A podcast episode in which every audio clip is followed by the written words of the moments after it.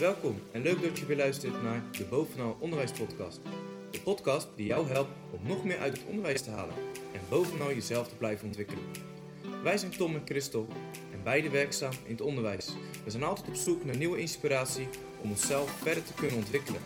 We maken jou graag deelgenoot van onze zoektocht en hopen je te kunnen inspireren.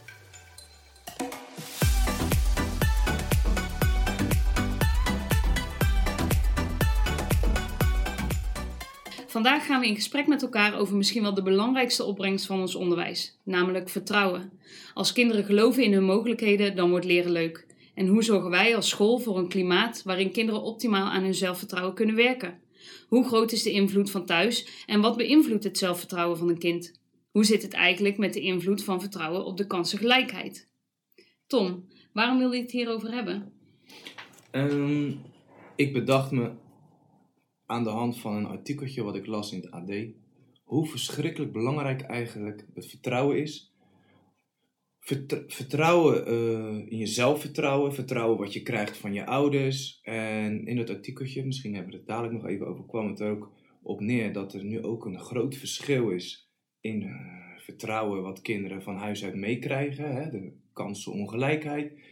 En ja, dat heeft me ook wel aan het denken gezet. Van onze taak en onze rol, wat is die dan eigenlijk? En hoe belangrijk is het wel niet dat een kind met vertrouwen en dan zelfvertrouwen ja, de school in kan stappen? Dus eigenlijk vanaf het begin af aan al. Dus eigenlijk hoe die van kind af aan tot vier jaar uh, thuis opgroeit, wat hij daar thuis van meekrijgt? Bijvoorbeeld. Dat heeft me ook aan het denken gezet. Ik dacht van ja, uh, wat doen bepaalde ouders waardoor een kind met vertrouwen de school binnenstapt? Of misschien wel andersom, wat doen ouders helemaal niet? Of juist dat kinderen heel onzeker en met weinig vertrouwen, zelfvertrouwen de, de, de school binnenstappen. Heb je daar een idee van, wat, wat ouders doen en wat de rol is van ouders hierin? Uh, nou, er zijn, er zijn denk ik heel veel factoren die die ouders onbewust met zich meedragen. Die, die bepalen of een kind uh, vanuit vertrouwen dingetjes doet. Of dat ze uh, ja, heel onzeker in zijn. Uh, dat kan zich al uiten in, in uh, het gevoel van wat ik doe is goed. Mm. Hè? De, die onvoorwaardelijke liefde die je als ouder kan uitstralen. Uh, de aandacht die je aan je kind geeft. Ehm, complimenten geven. Maar ook stukjes vertrouwen geven als ze een opdrachtje of een taakje krijgen. gedrag wat ze vertonen, dat, hoe ouders daarmee omgaan. Je zou denken vanuit die onvoorwaardelijke liefde Mhm. die kinderen krijgen, in de meeste gevallen gelukkig, zou er al heel veel vertrouwen in moeten zitten bij een kind. Ja, en hoe zou dat vertrouwen er dan uitzien? Ja, daar ben ik een beetje zoekende naar. Ik hoor je net zeggen van die voorwaardelijke liefde, die geeft dus iets mee aan kinderen wat vertrouwen geeft. Vertrouwen aan het kind dat het goed is hoe ze zijn en, en dat ze ehm, dingen mogen leren van ouders. Ik denk dat dat misschien iets is wat, wat in de meeste gevallen gelukkig vanzelfsprekend begint. Ja. Ik ben ook wel zoeken hoor, want je zegt ook van ehm, ja, ouders uh, die kinderen complimenten geven. Soms zie ik daar ook wel dat het doorslaat. Dus dan ben ik ook heel nieuwsgierig wat dat dan doet in het nou, vertrouwen van kleine ook, kinderen. ook aan gedacht inderdaad. Je hebt dus de onzekerheid of het uh, weinig zelfvertrouwen, zelfvertrouwen. Of inderdaad de hemel in prijzen en het kind denkt dat hij... Uh, nog net niet naast God staat. Eh. Ja. dus daar heb je wel, wel een punt van uh, de balans tussen uh, een goed zelfvertrouwen, heeft dan misschien ook te maken met je zelfbeeld, ervaren wat je wel of niet kan. Um, maar om even terug te komen op dat je denkt van ik ben aan zoeken in. Als je nou naar jezelf kijkt en je gaat terug naar je, misschien wel je basisschooltijd. Wat, heb je misschien hele heldere herinneringen van momenten dat je echt ergens heel veel zelfvertrouwen in had. Of en momenten dat je echt dacht van, nou, ik durf dit of ik kan het niet of dit is niet voor mij. Ja, ik was als, als kind misschien niet per se het allerbeste voorbeeld daarin. Ik was heel onzeker. Oké, interessant. Ehm, zeker tot, tot een jaar of tien, denk ik. Ook wel een beetje vanuit angst. Ik vond alles spannend. Ik was bij alles bang dat ik het niet zou kunnen of dat het uh, niet zou lukken. Daardoor deed ik heel veel dingen ook niet. Ik dacht van, nou, als ik het niet doe, dan weet ik in ieder geval zeker dat het niet mislukt. Ja, ja. En als ik dan terugkijk van welke rol hebben mijn ouders daarin gespeeld, ik denk dat ze wel altijd hun best hebben gedaan eh, om, om vertrouwen te kweken bij mij. Maar dat er ook wel voor een deel iets in mijzelf zat als kind. Ja, ja. Dus we hebben het nu over eh, eigenlijk externe dingen gehad. Maar je zegt ook, er zit misschien ook wel iets, iets in erfelijkheid of in het kind zelf. Ja, misschien wel. Ja? Ja. Dat, je, dat er gewoon ook al aangeboren is. En dan komt het uiteindelijk alsnog wel van je vader en je moeder. Ja, dus dan. Hè, ondanks het feit dat ik heel erg het idee heb gehad dat mijn ouders dat wel stimuleerden, zal daar toch ook wel wat in meegespeeld hebben. Misschien nu daarop terugkijkend en als ik kijk naar hoe mijn ouders als, als mens in het leven staan, zijn dat niet per se mensen die eh eh, barstensvol zelfvertrouwen de wereld ingaan. Eh, ze zijn daarin iets, ze hebben wel zelfvertrouwen, maar ze zullen het niet zo heel hoog van de daken schreeuwen. Nee, nee, oké. Ehm. Maar herken je dat dan ook bij je broers of zus? Broer of zus? Ja, ik denk nou, als ik kijk naar eh, mijn oudste zus, herken ik het wel. Mijn jongere zus, daarvan had ik als kind ook altijd het idee dat hij voor niks bang was. Dus dat hij heel veel zelfvertrouwen had om gewoon eh, de dingen aan te Ja, pakken. dus ja, daar ja. zit dan ook wel een verschil in. Maar mijn broer ook. Die, die heeft dat ook wel. En nog. Maar ik merk ook dat je je daar wel echt in kan ontwikkelen. Want Ja. als ik mezelf vergelijk als inderdaad basisschoolkind of middelbare school, is een wereld van verschil. Waanzinnig, ja, want dat, dat maakt denk ik ook het zo verschrikkelijk interessant, ook voor het onderwijs, om, omdat het niet iets vaststaand is. Ik geloof ook wat jij zegt. Het is dus te ontwikkelen. Er zijn dus manieren om, om dat zelfvertrouwen op een hele fijne manier te stimuleren. Ja, Ik, ik, had er ook aan, ik was er ook aan terugdenken. En bij mij zijn het, kan ik niet per se zeggen dat ik heel veel zelfvertrouwen had of heel veel eh, over dingen onzeker was. Ik was bijvoorbeeld, ik had heel veel zelfvertrouwen eh, in tekenen. Ik kon echt Mhm. enorm goed tekenen, vond ik zelf. En dat werd ook vooral door mijn omgeving beaamd. En dat werd ook wel een boost. Maar als ik dan denk aan mijn talen bijvoorbeeld, ja, mijn Engels of zo, nou, daar was ik zo onzeker over. En zo zijn er wel meer dingen waar ik ook later op de halo hadden, de jongens waren allemaal goed in spelsporten. Nou, dat had ik dan weer echt helemaal niet. Dus dat, daar was ik eigenlijk best wel onzeker over. Dus ik, als ik dan terugdenk, en misschien nog steeds zijn er bepaalde dingen waar ik dan heel veel eh, zelfvertrouwen en zelfverzekerd in ben. En in andere dingen ben ik dat dan weer ook weer helemaal niet. dus het kan naast elkaar bestaan. Zeker weten. Ja, Duizend procent. En de, de, het vermogen om, om, om, eh, ja, met een meer zelfvertrouwen dingen te creëren, daar geloof ik ook in. En ik besef me ook bijvoorbeeld, later ben ik karate gaan doen. En daar ben ik heel fanatiek in geweest. Met heel veel inzet en heel veel ja, drive, kreeg ik daar eigenlijk ook wel heel veel zelfvertrouwen in. Dus ook door de succeservaringen van dingetjes die ik heb gedaan, eh, en bevestiging van mijn omgeving, ben ik ook wel zo veel zelfverzekerder geworden eigenlijk. eh, met dan die specifieke dingen. ja, Dus, dus als ik daaraan terugdenk, ja, hoor ik eigenlijk ook wel bij het verschil, ja, wat je zegt. Dus, dus aan de ene kant heb je wel of geen. Ik denk niet dat iemand helemaal onzeker is of helemaal nee. vol zelfvertrouwen eh, Er zit. zit een combinatie van. Altijd, ja. En dan denk ik wel dat het zo is als je over de overhand hebt in dingen waar je vertrouwen in hebt. Dat je dat dus ook meer uit zal stralen. Ja. Zelfvertrouwen. En als er heel veel dingen zijn, dus meer dingen waar je onzeker over bent, dat je Mhm. dat ook uitstraalt. Ja, Dat je dan, eh, je kent het verschil tussen die kinderen ook wel. Je hebt kinderen Ja, in je klas die, die, zeker. die lijken voor niks of niemand bang. En die stappen Ja. die wereld eh, in Ja. met opgeheven hoofd. Maar je hebt ook kinderen die daarin veel minder zelfvertrouwen hebben. Ja, Ja. dat is wel herkenbaar. Ook bij mezelf. En je kan het dus inderdaad ontwikkelen. Dat mooi kan Ja. veranderen. Maar je kan het ook afbreken.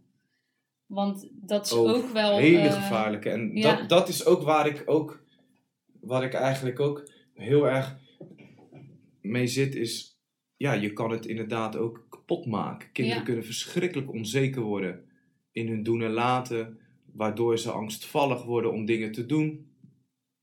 En juist die stap durven zetten om iets te doen, zorgt voor een succeservaring. Meer succeservaring je ervaart, hoe, hoe meer plezier je er ook aan beleeft en hoe meer vertrouwen je krijgt.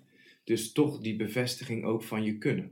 Maar dan zie je dus dat daar ligt dus een belangrijke rol voor eh, de thuissituatie. Ja. Dus voor ouders, eh, broertjes, zusjes die daar ook in meehelpen, je omgeving. De sportvereniging, Ja. misschien de muziekschool waar je belandt, de knutselclub, eh, Het- Maar daarnaast voor ons als, als professionals in die school ligt daar natuurlijk ook een hele belangrijke ehm, factor. Ja, Hè, dat artikel wat jij net aanhaalde, daar staat ook in dat uit onderzoek blijkt dat bijna de helft eh, van je geloof in eigen kunnen binnen de school wordt opgedaan. Dat is ja. echt een ontzettend groot deel daarvan. en daar schrok ik van. Ja, Als, als dat dus waar is, betekent dat dat er een enorme verantwoordelijkheid bij school ligt. En naast misschien wel de achterstanden die kinderen nu oplopen. Hè, want nu we deze podcast opnemen, zitten we midden in de coronacrisis, oftewel de coronavakantie. Ja. en, eh, en, en toen dacht ik ook van ja, wat als nou een kind inderdaad op school zijn zelfvertrouwen krijgt van de dingetjes die hij doet en het complimentje wat hij krijgt van de leraar en zijn eh, bevestiging krijgt van de dingen die hij doet dat die goed zijn. Ja, want dat vind ik nog wel mooi om hierbij te zeggen. Eh, bij dat onderzoek zegt dus dat het blijkt dat bijna de helft van het geloof in je eigen kunnen binnen de school plaatsvindt. Dat is bij de gemiddelde leerling in Nederland. Mhm. Maar als je kijkt naar kinderen die in een eh, achterstandscontext opgroeien, ja? zal dat aantal nog veel hoger zijn dan de helft. Want dan Ja. krijg je vanuit huis veel minder mee. Dus moet je het op andere plekken moet je het halen. En dan zal ook de sportclub en al die Ja. andere dingen die jij net Dat is een noemde. belangrijke ook, nuance eh, inderdaad. ja, maar die vallen op het moment dat je zeg maar ehm, in een situatie zit zoals nu, dat je eigenlijk nergens anders contacten hebt Mhm. dan alleen maar binnenshuis valt zo'n sportclub weg. Ehm, eh, vrienden, vriendinnen is veel minder. School valt weg. Dat vind ik ook zorgelijk, want meer dan de helft van je, van je vertrouwen in jezelf doe je dan dus buitenshuis op. En sowieso, buiten het feit of je nou ehm, in die coronacrisis zit, ook als we die niet gehad hadden, vond ik dit nog steeds een heel groot aandeel. Ja. Want dan is de taak die wij als leerkrachten hebben zo enorm groot op dat gebied. Mhm. Waardoor het misschien nog wel een beetje een ondergeschoven kindje is. Hè? We hadden het Ja. erover, we noemden in het begin ook voor ons is dit misschien wel de belangrijkste opbrengst van het onderwijs. Ja. Maar als je kijkt naar de algemene opvatting van onderwijs, dan, dan is het kennisoverdracht Ja. en leren. En zou dat de belangrijkste opbrengst moeten zijn. Maar in veel van de gevallen is misschien persoonlijke ontwikkeling en daarbij dus ook het ontwikkelen van vertrouwen en zelfvertrouwen, speelt eigenlijk een veel grotere rol dan, dan altijd gedacht is. Ja, en dat, dat, dat, daarom vind ik mijn vak eh, als gymleraar zo fantastisch. Dat als je een klimaat creëert waar kinderen zelfvertrouwen op kunnen doen, waar kinderen ook een goed zelfbeeld kunnen krijgen, en met goed bedoel ik dan, wat kan ik wel, wat kan ik niet, hoe ga ik daarmee om, dat kan van... Beetje realistisch. Ja, hè? Ja. of hij nou wel of geen koprol doet. Nou, misschien doet hij over drie jaar nooit meer een koprol als hij Ja. eh, dadelijk eh, directeur is ergens. M- Maar dat hij wel zelfvertrouwen heeft, hè? Ja, Is, is, een, is denk ik iets wat van zo fundamenteel belang is, ook voor jezelf. Want je zegt net zelf al, ik heb mezelf enorm ontwikkeld in mijn zelfvertrouwen. Dat is mooi. En, en als je dat al in het onderwijs kan meegeven, dan kan dat, dan kan dat goud zijn. Ja. En ik denk dat wij dan heel kritisch moeten kijken naar onszelf. Van wat, wat is er dan voor nodig van ons uit om dat kind eh, vertrouwen, zelfvertrouwen mee te geven. ja. En voor ons moet dat dan misschien een bewust proces zijn, een onbewust proces. Maar ik denk wel dat dat iets is wat voor die kinderen van enorm belang is. Dus wat ik, wat ik heel interessant vind is om nu te gaan kijken met jou en gewoon een beetje te brainstormen. Waar denk je nou aan binnen de schoolcontext als het gaat om zelfvertrouwen en vertrouwen? Hoe kunnen we ervoor zorgen dat onze kinderen met heel veel zelfvertrouwen hè, ja, de toekomst tegemoet gaan? We hebben het daar in een eerdere podcast ook al wel eens over gehad. En ehm, wat ik denk dat heel belangrijk is, is dat je kinderen laat weten dat het oké is dat ze zijn wie ze zijn. En dat ze er mogen zijn. En dat we proberen om niet alle kinderen door één en dezelfde eh, gat heen te duwen. Zeg maar, van daar Ja. moet je doorheen. Ja, En als je daar doorheen kan, heb je het goed gedaan. Maar dat daar ruimte is. Dus dat het zo mag zijn dat de een er al wel doorheen kan en de ander nog niet. En dat je je daarin mag ontwikkelen. En dat kinderen ook voelen dat die ruimte er is. dus het gevoel te kunnen groeien en als je er nog niet bent, Ja, dan Dat is dat het ook ook goed is. Ja, ja. want ik denk wel dat dat ook eh, voor onzekerheid zorgt. Mhm. Ehm, we willen toch dat kinderen ergens naartoe gaan. De tendens is steeds meer geworden van je moet zo hoog mogelijk uitstromen op het basisonderwijs, want dan Ja. doe je het goed. Terwijl ik ook zeker weet dat eh, een kind wat uitstroomt naar praktijkonderwijs, omdat dat passend is bij dat kind, onwijs veel zelfvertrouwen kan creëren. En dat ook niet betekent dat hij eh, mislukt zou zijn, zeg maar. En ik denk dat kinderen die nu merken dat ze anders zijn of misschien afwijken van, van de rest, dat dat wel iets doet met je Omdat er ook zoveel op het cognitieve vlak Ja. eigenlijk wordt beoordeeld. En Ja. be- Daar ligt heel veel druk. En als je dan voelt dat je daar niet aan kan voldoen, ja. dan kan ik me heel goed voorstellen dat dat invloed heeft op je zelfvertrouwen. Dus als leerkracht zou ik heel graag willen, en niet alleen de leerkracht, ik denk iedereen die in je school rondloopt, zal zelf daarin het goede voorbeeld moeten geven. Ja. En, en erkenning En wat is- moeten geven. Wat is een goed voorbeeld? Hoe ziet dat er dan uit? Nou, dat je zelf ook vertrouwen uitstraalt. Dus dat je vertrouwen hebt in datgene wat jij als leerkracht aan het doen bent. Weet je, Ja. een goed voorbeeld doet volgen. Ja. Ehm, ik bedoel, ik weet voorbeelden en die weten we allemaal Ja. van leerkrachten die geen zelfvertrouwen uitstralen. Prik je gelijk doorheen. Ja, die kinderen vreten die op. Ja, ja, ja, ja. ja. Weet je, en, en dat, dat is omdat ze ruimte voelen. En ehm, ik weet zeker als je zelfvertrouwen uitstraalt. In je kundigheid en wat je, wat je, waar je voor staat. Ja, Want het biedt ook veiligheid voor die kinderen. Op het moment dat er iemand voor de klas staat die Ja. onzeker is, eh, dan is het heel onvoorspelbaar. Ja. En die voorspelbaarheid en weten waar je aan toe bent als kind, denk ik wel dat dat een vaste basis geeft als je zelf al zoekende bent naar het vertrouwen. Ja. Dan weet je in ieder geval van, nou, je kan op die leerkracht leunen en, en daar kan ik vanuit verder groeien. Ja, daar geloof ik ook echt in. En ook een stukje eh, humor, plezier en ontspanning Ja. maakt ook wel dat, eh, dat er een relaxe sfeer kan zijn in een klas. Ja, Ehm, zodat, zodat het niet altijd te- dat je er niet altijd te zwaar aan hoeft te tillen. Als kind dat je denkt, oh, er kan een grapje gemaakt worden, er is plezier. En vanuit dat oogpunt kan je heel fijn werken met elkaar. Maar dan moet de groep zich er ook wel weer voor lenen. Dus die wisselwerking, groep in relatie tot leraar, maakt ook wel een hoop verschil. en daar heb je als leerkracht dus een hele belangrijke Ja, taak. Inderdaad, Om die inderdaad. afwisseling te vinden. En, en om terug te komen op die structuur, waar ik ook aan dacht, wat ook heel belangrijk is, is, ik kan me ook nog wel herinneren, het verschil tussen de leraar, waar je weet waar je aan toe bent, en ook wat voor gedrag van jou verwacht wordt. Dus Ja. juist het uitspreken van het gedrag wat je wil. Dus benoem wenselijk gedrag. En als je dat daarna kan terugkoppelen en zeggen, hé, hey, ik zie dat je doet wat ik, hè, wat ik van je vraag, voelt een kind daar steeds meer vertrouwen in krijgen. Zelfvertrouwen van, hé, hey, ik doe wat er van me gevraagd wordt. Ja, En als je dat, als je dat, als je dat stukje vergeet, kan dat ook heel snel ombuigen in onzekerheid. Oh, doe ik het wel goed? Oh, wacht even, nu is de leraar boos. Eh, bedoelt hij nou mij? Of, of op wie wordt hij dan boos? Dus naast het stukje leren en ervaren, heb je denk ik ook een heel groot stuk in je gedrag. Ja. Waarin je onzeker kan worden. En dat is denk ik ook van essentieel belang. Ja, dus die de structuur bieden, maar dat is je taak als leerkracht. Ja. Die kan je heel mooi pakken daar, die rol en die verwachtingen uitspreken. Ik geloof inderdaad ook dat het voor zekerheid zorgt. Tegelijkertijd kan het ook een valkuil zijn. Als we alles zo dicht timmeren, Ja. Dan kan het doorslaan. Hè? Dan, Ja. dan, ehm, je moet ook om leren gaan met als het even anders gaat. En het vertrouwen hebben dat je... Veer, de hele tijd komt in mijn hoofd op veerkracht ontwikkelen. Mhm. Hè, zorgen dat je, dat je om kan gaan met het moment dat het even iets anders loopt. Of als je zelf een tegenslag ervaart. Dat je als kind jezelf zo ontwikkelt dat je daarmee om kan gaan. En dat geeft ook zelfvertrouwen. Want Ja. dat betekent dat het niet altijd goed hoeft te gaan. Dat het ook wel eens fout mag gaan.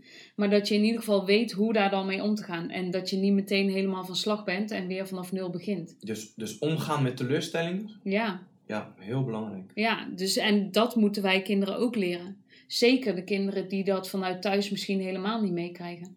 Ja. Want hoe leer je omgaan met teleurstelling? En, en dat is misschien wel iets wat aan de andere kant kan hangen van kinderen die heel erg gepusht worden Ja. in verwachtingen en, en de lat heel hoog ligt. En dat ze niet om weten te gaan met iets wanneer het even niet goed gaat. Of wanneer ze niet aan die hoge verwachting van zichzelf of van de ouder of van de leerkracht. eh, en dat is wel een mooie die jij Ja. eh, benoemt. Ik denk dat dat wel iets is wat, eh, wat ook de aandacht nodig heeft. Ja, en dan, dan wat jij ook zegt, hè, die verwachtingen van ons als volwassenen, van onze kinderen, zowel van ons als leerkrachten, maar ook Mhm. vanuit ouders. Ehm, we moeten altijd blijven kijken. Je mag hoge eisen stellen aan een kind. Ik vind ook dat dat goed is. Hè? Op die manier daag je ze uit. Maar het moet wel realistisch zijn bij hetgeen wat kinderen op dat moment kunnen. Dus het moet echt, echt passend zijn bij het niveau van het kind. Ja. En dan mag je best iets boven gaan zitten, zonder van naaste ontwikkeling. Alleen als je er ver boven gaat zitten, ja, dan krijg je altijd een, een, een negatieve ervaring als Ja. kind. Omdat je eigenlijk al weet dat je er niet aan kan voldoen. ja, want het draait juist eigenlijk om meer positieve ervaring opdoen Ja, in een succesje, dan dat je negatieve ervaring Ja. opdoet. Daarin een balans vinden. ja. En ik denk dat, dat de rol die, die je daar als volwassene in hebt, in het ontwikkelen van het kind op het gebied van zelfvertrouwen, echt onderschat wordt. Ja. Dat we heel veel op kennisoverdracht zitten. En dat eh, eh, dat, dat is, hè, als je maar veel leert en goed kan leren en eh, op een hoog niveau kan studeren of eh, Mhm. hè, die middelbare school hebt, dan, dan word je een geslaagd mens. Weet je dat idee? En het ontwikkelen van het zelfvertrouwen gaat er denk ik veel meer voor zorgen dat je uiteindelijk komt waar je wil zijn. Kinderen die uitstromen op een bepaald niveau. Stel je voor, je, je kan door alles wat er gebeurd is eh, eh, en je bent vrij intelligent, ga je naar het VWO. Mhm. Maar je bent hartstikke onzeker. Dus het is moeilijk om sociale contacten te onderhouden. Ja. Eh, het is lastig om naast je studiewerk, waar je je volledig op kan storten, omdat dat zeg maar cognitief heel goed lukt, je sociaal te ontwikkelen. Ja. Dan weet ik zeker dat het invloed gaat hebben op jouw ontwikkeling als mens. Ja. En als je als kind vol zelfvertrouwen uitgroeit ehm, naar een praktijkonderwijsopleiding en je kan je daarop eh opwerken, je gaat een MBO 1, een MBO 2, omdat je vertrouwen hebt in datgene wat je doet, dan kom je uiteindelijk ook waar je wil zijn. En de vraag is, wat weegt zwaarder?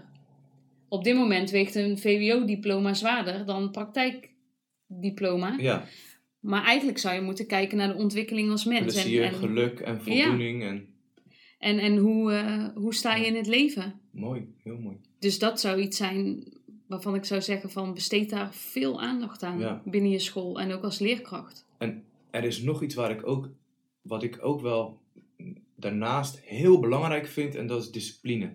Zeker als gymleraar is discipline van essentieel belang. Je moet de kinderen kunnen vertrouwen als je met ze afspreekt. Maar ik probeer ze ook mee te geven dat als je discipline, en dan zeg ik altijd, dat is eigenlijk een hele simpele definitie voor, is je houden aan de gemaakte afspraken. Voor jezelf en anderen. Mhm. En als je je voor jezelf je aan de afspraken kan houden. Natuurlijk maken we allemaal wel eens een keer een foutje en doen we elke keer wel even zeggen: Nou, ik doe het vandaag wel en dan doe je het niet. Ja, Maar als je dat heel vaak doet, dus je, je niet aan je eigen afspraken houden die je in je hoofd maakt, dan ga je daar ook onzeker van worden. ja, Dus om zelfvertrouwen te krijgen, je helpt het heel erg om erop te kunnen vertrouwen dat je je aan je eigen afspraken kan maken. En als je hem doortrekt naar elkaars afspraken, helpt dat ook met vertrouwen. Ik heb ooit eh, in het boekje van Jo Cruijff gelezen. ehm, als eh, trainer zei hij dan eh, tegen zijn team: Joh, moet je luisteren. als jullie mij discipline geven, geef ik jullie vertrouwen. En toen dacht ik: Ja, is eigenlijk een hele mooie. Ook als ik dan als gymleraar daar was voor die groep sta, denk ik: die wisselwerking ja, van kan ik jullie vertrouwen om zelfstandig te werken? Kan ik jullie vertrouwen? En dan moet ik dat natuurlijk ook heel goed omschrijven hè? In, in bepaalde situaties in een spelles. En dan geef ik hun dat vertrouwen. Dus die wisselwerking van discipline en vertrouwen, dat is denk ik een hele belangrijke, ja. waar, waar ook niet altijd aan gedacht wordt.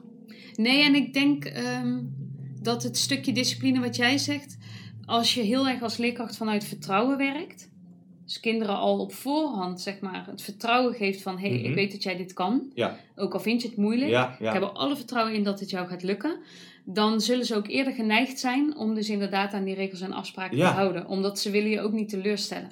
Want jij geeft hen vertrouwen wat ze misschien niet eens in zichzelf hebben. Hè? Ik kan me helemaal voorstellen dat als ik als kind onzeker ben over iets en denk, ik kan dit niet, er is een stemmetje in mijn hoofd die zegt, ik kan het niet, ik kan het niet.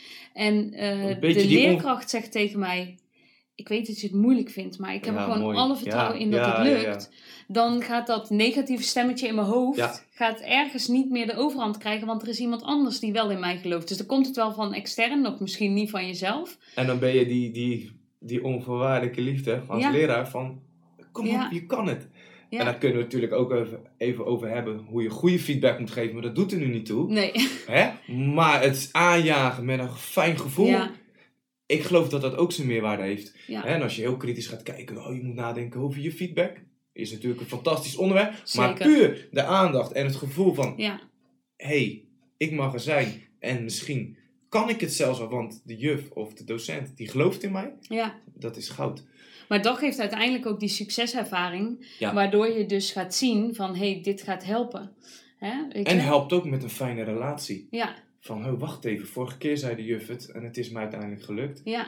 Misschien heeft ze wel gelijk. Dus Maar ik denk ook dat dat de enige manier is om vertrouwen te kweken. Ik eh, keek toevallig van de week eh, Dream School. mhm. En daar zat een perfect voorbeeld in. Ze gingen met de bus op pad en er was een jongen die had, ehm, kreeg paniekaanvallen op de snelweg. En hij had eigenlijk, hij moest en zou die bus uit. Dat zat in zijn hoofd. Hij moest weg, hij moest weg, want hij werd heel onzeker. En op dat moment werd daar niet aan toegegeven. Dus er werd gezegd, ja luister, gaat gewoon niet gebeuren. Je gaat die bus niet uit. Eh, we zitten midden op de snelweg, het gaat niet. En die leraar die ging naast hem zitten en die ging hem gewoon vertrouwen geven van ik weet dat je, ik weet dat je het moeilijk vindt. Maar dit kan je. Weet je, je kan hier doorheen. eh, kom op, je wil een stap zetten. Je wil dat je eh, weer ook zelf de snelweg op kan in de auto. En, en die praten zo op die leerling in op een positieve manier, zonder de angst te ontkennen die die jongen had. Mhm. Dat op een gegeven moment verdween die paniekaanval en zat die jongen gewoon heel super relaxed in die bus. En toen zei hij ook, hij zei, dit is echt nog nooit gebeurd. En ik heb nu zoveel vertrouwen om weer opnieuw de snelweg op te gaan. Want nu heb ik aan mezelf kunnen laten zien dat ik eigenlijk niet bang hoef te zijn. Of Geweldig, dat ik niet hè? onzeker hoef te zijn. En dat vond ik een fantastisch voorbeeld van de rol die een leerkracht op dat moment neemt. Ja. Want klasgenoten zijn eerder geneigd om, om toe te geven aan eh, de onzekerheid van iemand. Ja, Van ja. ik snap het en ja, het is ook eng. Ja. Weet je, en dat is logisch om te doen, want je wil empathie tonen. Maar je helpt een kind veel meer door niet toe te geven, en, maar te zeggen: Ik snap het, ik erken hoe je je voelt. Maar we gaan wel proberen om er samen doorheen te komen. En dan groeit zelfvertrouwen. Grappig, ja. Ik schiet me in één keer te binnen. Ik ben ook in een heel grijs verleden ooit badmeester geweest. en, en dan moest ik ook kinderen van het ondiepe naar het diepe. Nou, dat is natuurlijk ook zo'n momentje. Ja, Dat die kinderen daar staan. En dan heb je erbij, die springen zo het water in. En je hebt erbij, die zijn als de dood om hun hoofd überhaupt al in het water te doen. Of inderdaad het diepe in te springen. Maar dat vonkje, als het eenmaal is gelukt, ja, dat is goud. En dat zie ik nu ook in mijn gymlessen nog steeds terug. Het moment van, wauw, ik kan het. Ik, het is me gelukt. En, en, en daarin zit het goud. Daarin kan je dus vertrouwen krijgen. En dan vond ik van, je hebt wel eens eerder een voorbeeld aangehaald over rekenen. Toen dacht ik, ja, dat is mooi. Hé, hey, wacht even, ik snap het niet. We gaan er samen naar kijken. En doordat je gaat vertrouwen in je kunnen en je krijgt zelfvertrouwen in rekenen. Want als je vraagt vaak aan kinderen, hè, wat vind je nou leuk? Dan wordt dat rekenen ook leuk. Ja. Dan krijgt een kind plezier in rekenen. Dus het is ja, fundamenteel. maar dat gevoel Goud. wat jij hebt, dat vonkje, dat, ja, dat vonk- vonkje, dat kan ik zelf ook heel goed oproepen. Ik ook. Ik weet Ja. precies hoe het voelt. Dat, ik heb nu nog zelfs wel eens momenten dat er dingen zijn waar ik dan onzeker over ben en dan Tuurlijk, uiteindelijk blijkt ja. het gelukt. Maar dat gevoel is onbetaalbaar. En zorgt er wel voor dat je er vertrouwen in gaat hebben. Volgens mij hou je dat op alle leeftijden. Dat gevoel. ik durf zelfs stiekem te bekennen dat we allebei hier zaten met onze eerste podcastopname. Ja, zeker. Dan hebben we best wel veel over nagedacht van Ja. tevoren. En dan hebben we over allerlei onderwerpen nagedacht. En dan zitten we elkaar samen aan te kijken. En dan denken we, shit, we moeten het gaan doen. Ja, En dan hebben we het uiteindelijk gedaan. En dan beseffen we echt wel dat het nog niet perfect is. Maar vanuit die eerste stap, ja. Ook Ons- onzekerheid. ook onzekerheid. En dan denk je, nou, we zijn ook geen kinderen meer. Maar Nee. toch zit die onzekerheid erin. Ja, En doordat we juist die stap hebben gezet om die eerste te maken, werd die tweede al wat makkelijker. Wil niet zeggen dat die beter wordt, maar er is, ja. het rolt. Er is we zijn ermee groei. bezig. En dat, dat vind ik toch wel eh, echt fantastisch. Nou, en dat is, dat is dan ook, want dit is een heel mooi voorbeeld van een stukje uit je comfortzone stappen. Hè, ik bedoel, we hebben meer dan vaak gesprekken met elkaar Mhm. gehad waar je helemaal niet over nadenkt. Maar op het moment dat je het gaat opnemen, dan wordt het ineens een soort van eng. Dan gaat het buiten je comfortzone. Dat is ook wat er bij een kind gebeurt natuurlijk. Op het Ja. moment dat je onzeker bent over iets en er wordt van je verwacht dat je het toch gaat doen. Mhm. Ja, het voelt veel lekkerder om in een bepaalde eh, Ja. rol te blijven. Ook dat van, is ik, eh, balanceren ja, inderdaad. Van, van hè, moet je wel pushen, niet pushen. Hoe, hoe creëer ik in de les een omgeving waarin het kan, waarin een kind het mag, waarin die ook toch die fout mag maken en daarna Ja. denkt, nou, hè, we gaan ervoor. Maar dat Leuk. stapje durven nemen om even buiten je comfortzone te gaan en dan te Ja. ervaren dat je het wel kan. Ja, Dat zijn de momenten waarop je vertrouwen bouwt, volgens mij. mooi. Ja, Ehm, ik, denk, ik denk dat we een kleine afronding moeten gaan maken, want we kunnen nog uren over het stukje zelfvertrouwen kletsen. ja. Ehm, Ik denk dat de mooiste conclusie is dat het, het moment opzoeken van waar zit, waar zit dat stapje waar je de winst kan gaan behalen. ja, Dat vonkje, dat moment, dat gevoel, Ja. eh, is iets wat denk ik iedere luisteraar bij zichzelf op kan roepen. Omdat we allemaal van dat soort momenten wel kennen. ja, Ehm, dus ik zou zeggen, zoek bij jezelf vooral dat soort momenten op. Hoe voelde je je toen? Wat gebeurde er? En wie steunde je daarbij? En kijk op die manier ook naar je klas. Om te kijken van nou, welke leerling zou ik nou dat moment kunnen bieden? En, en welke Mooi, rol speel ja. ik daar dan als leerkracht in? Ja. Wat kan ik daarin betekenen? Ja, en dan zou ik er nog één dingetje aan toe willen voegen. Want dat hebben we nog niet echt besproken, maar ik vind dat ook een gouden tip. Ehm, ik, heb, ik heb ooit een TED-talk geluisterd van iemand. En, die, en dat ging ook over zelfvertrouwen en hoe je naar jezelf kijkt.